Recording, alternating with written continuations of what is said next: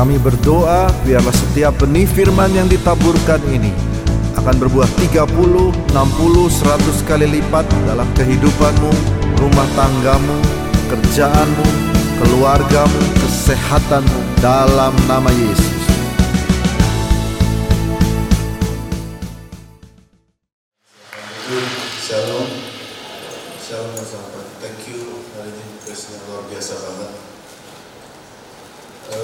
Kita akan masuk dalam firman Tuhan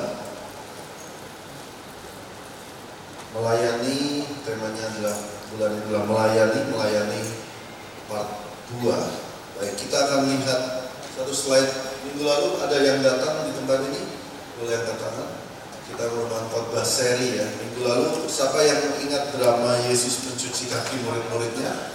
Boleh angkat tangan? Ya.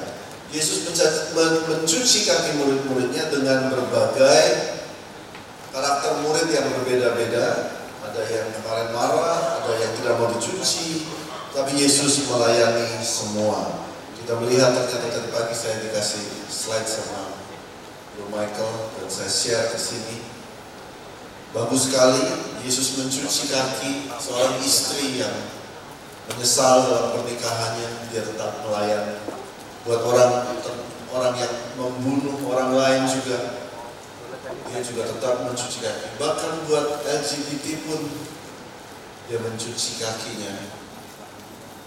Oke.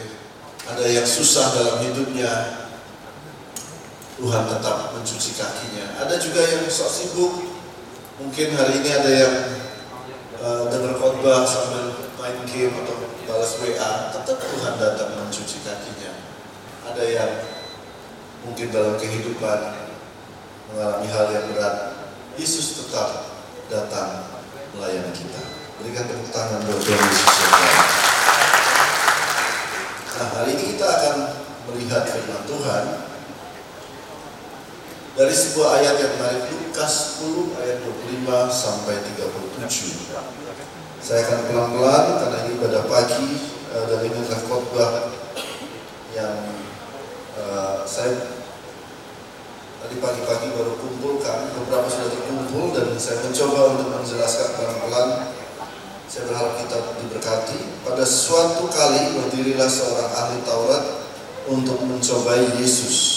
Katanya, Guru, apa yang harus kuperbuat untuk memperoleh hidup yang kekal?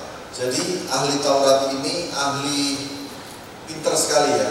Dia adalah ahli kristologi mungkin, ahli Islamologi mungkin ya, ahli Taurat. Jadi dia datang, dia mau tes, dia mau mencoba Yesus dan dia berdiri. Dia bertanya, apa yang harus kuperbuat untuk memperoleh hidup yang kekal? Dan menariknya saudara itu tidak bisa sama Tuhan itu eh, berapa ya berdebat gitu. Saya pernah berdebat sama Tuhan dan saya melihat ini si- sifat Tuhan itu sama. Saudara tanya sama Tuhan, menarik sekali. Dia tanya balik. Every time you tanya Tuhan tentang sesuatu yang meragukan, lucu sekali dia tanya balik ke kita.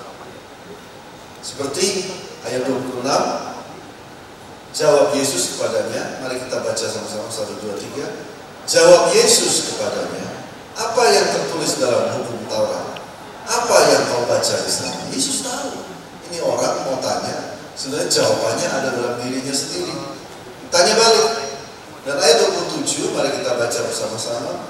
Jawab orang itu, kasihilah Tuhan Allahmu dengan segenap hatimu, dan dengan segenap jiwamu, dan dengan segenap kekuatanmu, dan dengan segenap akal budimu, dan kasihilah sesamamu manusia seperti dirimu sendiri.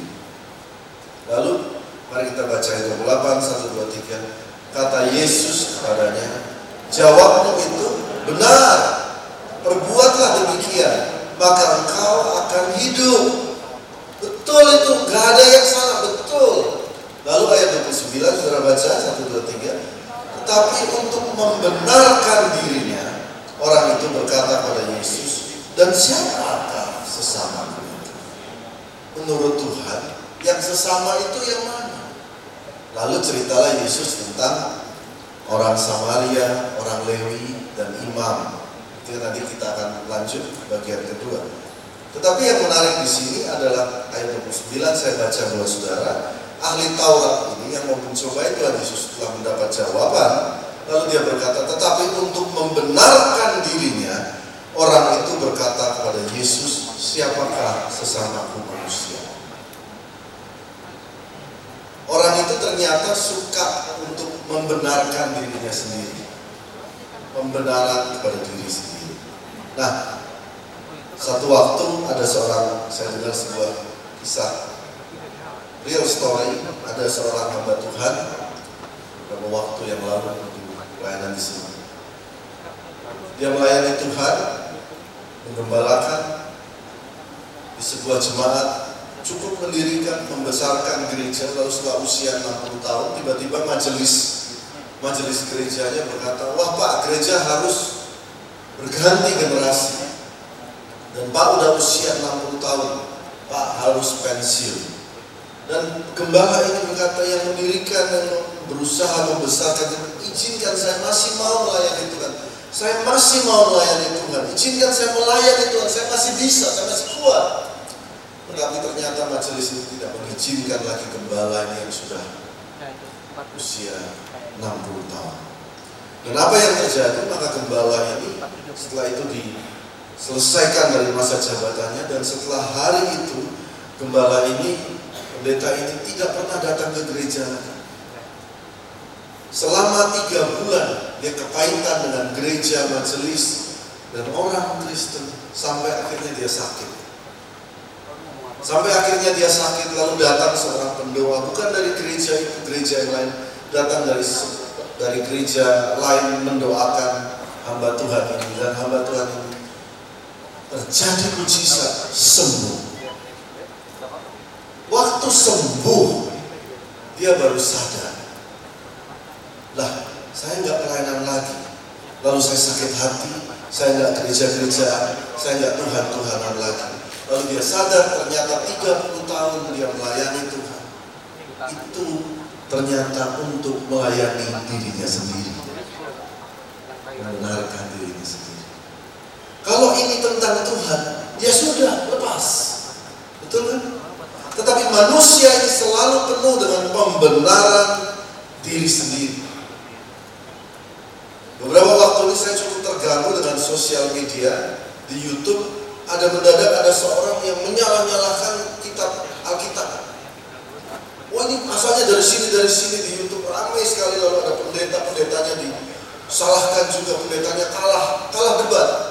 Mana yang benar? Orangnya bukan agama Kristen. Dia bilang kitab kitab ini dari sini pembenaran diri. Tahun 70 ada seorang bernama Ustadz Ahmad Didat dari Arab melawan Jimmy Swaggart, pendeta terkenal dari Amerika. Mereka debat di televisi. Siapa yang benar? Saya mau tanya saudara, mana yang benar? Saudara bilang Yesus, satu bilang tidak, yang sana. Ada loh ayatnya. Nanti kita terusin ya. Oke, mari kita belajar tentang pembenaran diri. Ada sebuah kisah di Alkitab tentang Raja Daud. Mari kita baca sama-sama.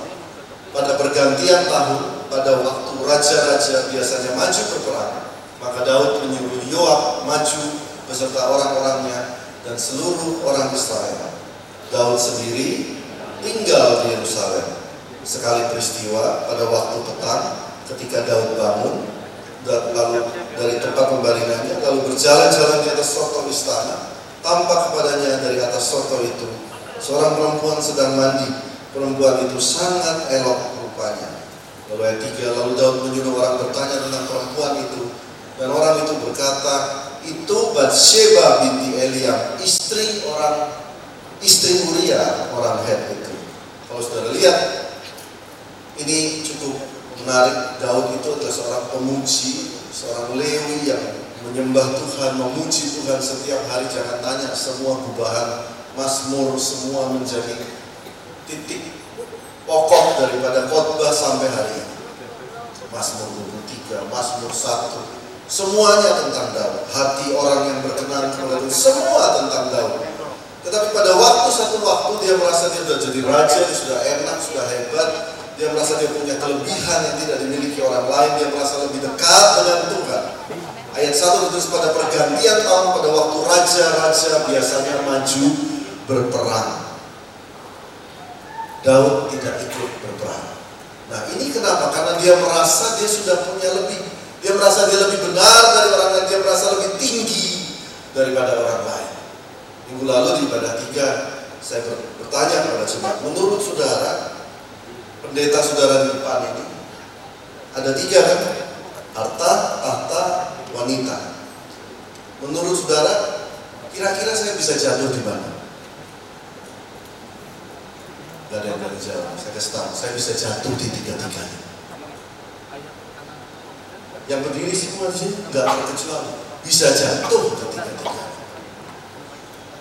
Yang penting kita harus menjaga terus, katakan amin. Tidak menjamin saudara melayani Tuhan, saudara hebat di mimbar dan saudara nggak jatuh. Nah lihat seperti ayat ayat pertama pada pergantian tahun pada waktu raja-raja biasanya maju ke perang maka Daud menyuruh Yoab maju, dia sendiri tinggal di Yerusalem. Pernah sudah ini dipanggil, ayo kita doa pagi yuk. Enggak ah, saya rasa saya enggak perlu doa pagi. Saya rasa saya sudah cukup rohani. Hati-hati, pemain-pemain musik, pelayan-pelayan Tuhan, orang suruh datang jam 7, tetapi karena dia punya kelebihan, mungkin karena dia lebih jago, mungkin dia datangnya agak terlambat. Sampai sini sudah tangkap. Orang yang cenderung punya kelebihan, punya sesuatu yang lebih, dia merasa dirinya lebih tinggi, lebih benar daripada orang yang lain. Nah hari ini kita belajar satu hal, jangan seperti itu. Biarlah kita melayani Tuhan. Dan pada akhir hidup kita, waktu Tuhan bilang hebat, kita berkata, aku ini hamba yang tidak berguna. Amin. Hati yang senantiasa rendah hati di hadapan Tuhan. Bukankah saudara kalau memberi sesuatu lebih pada saudara, jujur ya, saudara sekitar kita, saudara kasih angpau, kasih uang lebih, saudara merasa bahwa saudara lebih tinggi daripada perkumpulan saudara kita. Kita yang paling tinggi. Kalau diajak makan, kita paling datangnya paling terlambat, ya kan? Datangnya paling terlambat sendiri. Kadang-kadang nggak datang. Hari ini firman Tuhan mengajar tetap rendah hati. Amin. Yang mau berikan tepuk tangan buat Tuhan. Mereka sudah siapkan drama. Kita saya janji pada saudara, saya korban tidak sendirian. Silakan. Ya, oke. Okay. Saya itu minta drama Daud. Ya, kenapa jadi Jawa? Ini mereka selalu surprise, saudara. Saya minta Israel, kenapa mereka jadi Jawa? Oke. Okay.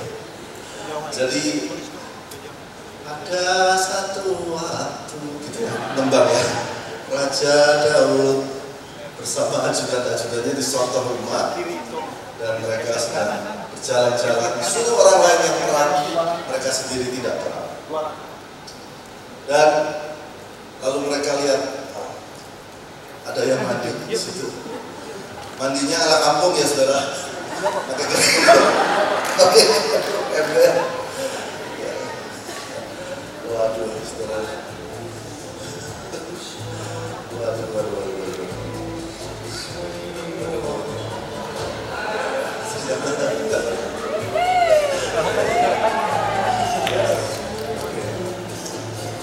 Bagaimana Kidemang? Kidemang, ini bagaimana? bagus, bagus gitu mereka. Ya, Jadi mereka lihat akan wanita ini. Saudara bayangkan bahwa dia tanya kepada ajudannya, siapa dia? Jawabannya, Bathsheba, istri Uria. Betul ya? Kalau saudara perhatikan sampai di Matius ditulis Salomo, anak Bathsheba, istri Uria. Jadi Alkitab menulis, itu istrinya orang.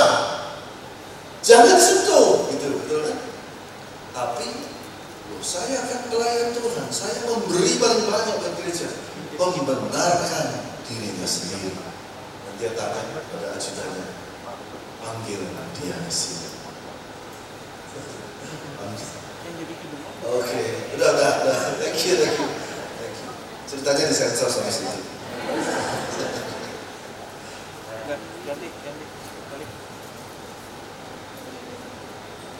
Nah, sampai sini sudah menangkap bahwa kita semua harus jaga diri di hadapan Tuhan. Katakan amin. Semua yang punya istri, punya suami, jaga kesetiaan rumah tangga kita. Buat saudara yang bekerja dengan orang, bekerja dengan customer, jangan ambil hak orang, jangan ambil hak perusahaan. Tetap jujur, berintegritas. Semua bisa jatuh. Jaga karena nanti ke depan kalau saudara tidak jaga, saudara susah untuk mewartakan akan penginjilan. Kurang leluasa. Oke?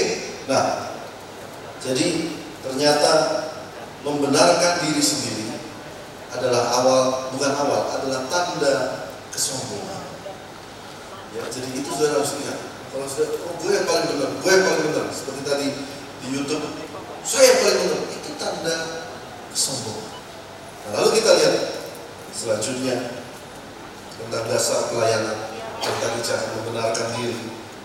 Jangan sombong. Lalu kita lanjutkan ayat ini. Tetapi untuk membenarkan dirinya, orang itu berkata kepada Yesus, dan siapakah sesama manusia? Kita lanjut ya ceritanya ya. Dan ceritanya adalah jawab Yesus, ini lanjut tadi. Siapa? Untuk membenarkan dirinya, dia tanya, siapa itu? Jawab Yesus adalah seorang yang turun dari Yerusalem ke Yeriko. Dia jatuh ke tangan penyamun-penyamun, bukan saja merampoknya habis-habisan, tetapi memukulnya sesudah itu pergi meninggalkannya setengah mati. Kebetulan ada seorang imam turun melalui jalan itu, ia melihat orang itu, tetapi melewatinya dari seberang jalan. Seorang Lewi, orang kedua, datang ke tempat itu ketika ia melihat orang itu, ia melewatinya dari seberang jalan. Ayat 33, seorang Samaria sedang dalam perjalanan ke tempat itu. Dan ketika ia melihat orang itu, tergeraklah hatinya oleh belas kasihan. Mari baca selesai belas kasihan. Belas kasihan. Ia pergi kepadanya membalut luka-lukanya, menyiraminya dengan minyak dan anggur, dan kemudian menaikkan orang itu ke atas keledai tunggangannya. Ayat yang ke-30. 6, 37. Siapa di antara ketiga orang ini menurut pendapatmu adalah sesama manusia dari orang yang jatuh ke tangan penyamun itu? Jawab orang itu, orang yang menunjukkan belas kasihan. Nah lihat, Yesus berkata, menurutmu siapa yang disebut sesama manusia? Oleh orang yang jatuh. Bukan orang yang nolong. Bukan menurut imam. Bukan menurut Lewi. Bukan menurut Samaria. Tapi menurutmu siapa sesama manusia dari sudut pandang orang yang jatuh? Dia jawab, yang menunjukkan belas kasihan. Mari katakan bersama saya, belas kasihan. Mari kita undang lagi. Ini memang teman-teman saya cukup narsis, saudara. Mereka mau drama lagi. Silakan. Dari Raja Daud, dia juga yang menjadi jatuh. Hidup membuat dia terpukul dan jatuh. Lalu lewatlah seorang imam. Imam.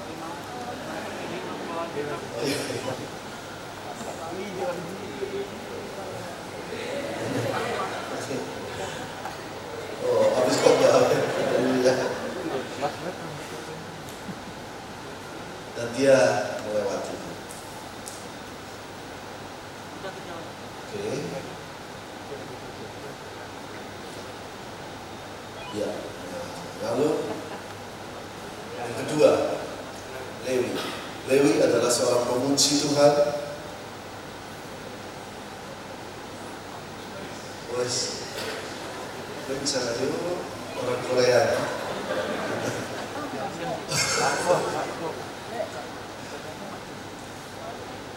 Melihat dia meninggalkan.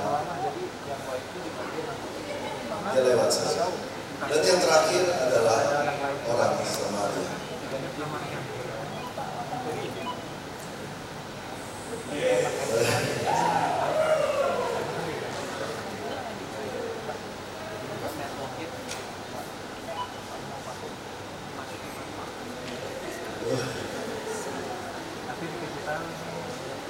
Kalau dia merawat orang yang terluka ini, dia angkat dia, dia berikan minyak dan anggur untuk mengobati lukanya. Ya Bapak, luar biasa, dramatik banget saya.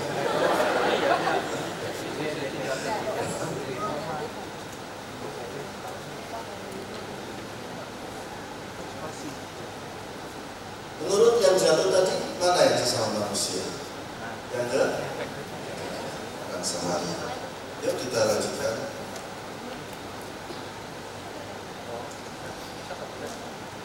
Kata belas kasih. Setiap kali Yesus melakukan mujizat itu ada kata belas kasih. Setiap kali dia berbelas kasih, maka ada mujizat yang terjadi. Seorang hamba Tuhan dari India dia berkata dia pernah datang melihat dalam penglihatan apa sih belas kasihan Tuhan. Dia melihat sebuah uh, lampu kristal yang sangat indah. Lalu waktu lampu kristal itu dia lihat tiba-tiba lampu kristal itu pecah, pecah semua. Dan dia, apa itu Tuhan? Itu seperti belas kasihan Tuhan yang pecah waktu melihat kesusahan pergumulan hidup manusia. Waktu itu Tuhan berbelas kasih, seketika itu juga kuasanya keluar. Belas kasihan Tuhan. Nah, hari ini kita akan bahas ini. Mari kita baca ayat ini. Sangat sederhana sekali firman Tuhan. Satu, dua, tiga. Hendaklah saudara-saudara seia, sekata, dan seperasaan. Hendaklah kalian saling sayang menyayangi seperti orang-orang yang bersaudara. Dan hendaklah kalian saling baca berbelas kasih. Dasar melayani yang pertama tetap rendah hati. Yang kedua harus ada belas kasih.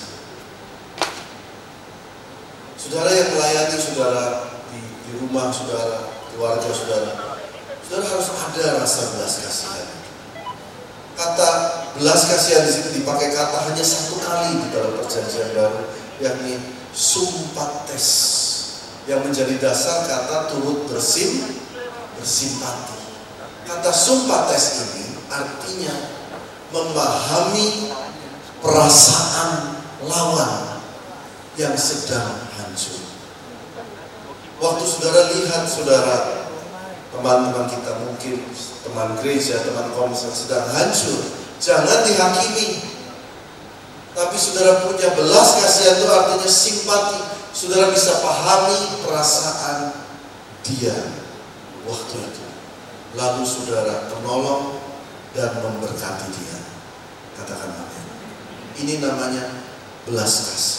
Buat teman-teman yang mau melayani di gereja, eh, Ryan Michael selalu Michael saya, oh sayang sekali minggu ini tidak ada youth. Banyak sekali yang membutuhkan ibadah youth. Mereka dikuatkan dan kadang-kadang dia menangis.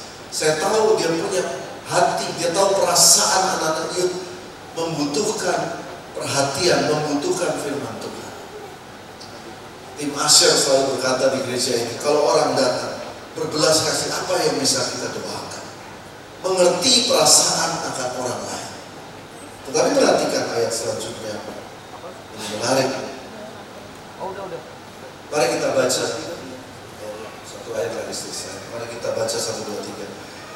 Barang siapa punya harta duniawi dan melihat saudaranya menderita kekurangan, tetapi menutup pintu hatinya terhadap saudaranya. Nah, ternyata belas kasihan itu bisa ditutup. Persis seperti imam dan juga Lewi yang tadi. Itu ternyata bisa ditutup. Close, doornya di close, pintunya ditutup. Dia berkata jangan seperti itu. Bagaimanakah kasih Allah dapat tetap ada dalam dirinya? Kalau engkau sering tutup, tutup, tutup, tutup belas kasih, melayani, tutup belas kasih, melayani Tuhan ke gereja, tutup belas kasih, lama-lama kasih Allah dalam dirimu gone, hilang. Nah lihat ayat selanjutnya, anak-anakku, mari baca dengan saya, dan saudara akan mengerti, anak-anakku, Marilah kita mengasihi dengan keras, bukan dengan perkataan atau dengan lidah, tetapi dengan perbuatan dan dalam kebenaran.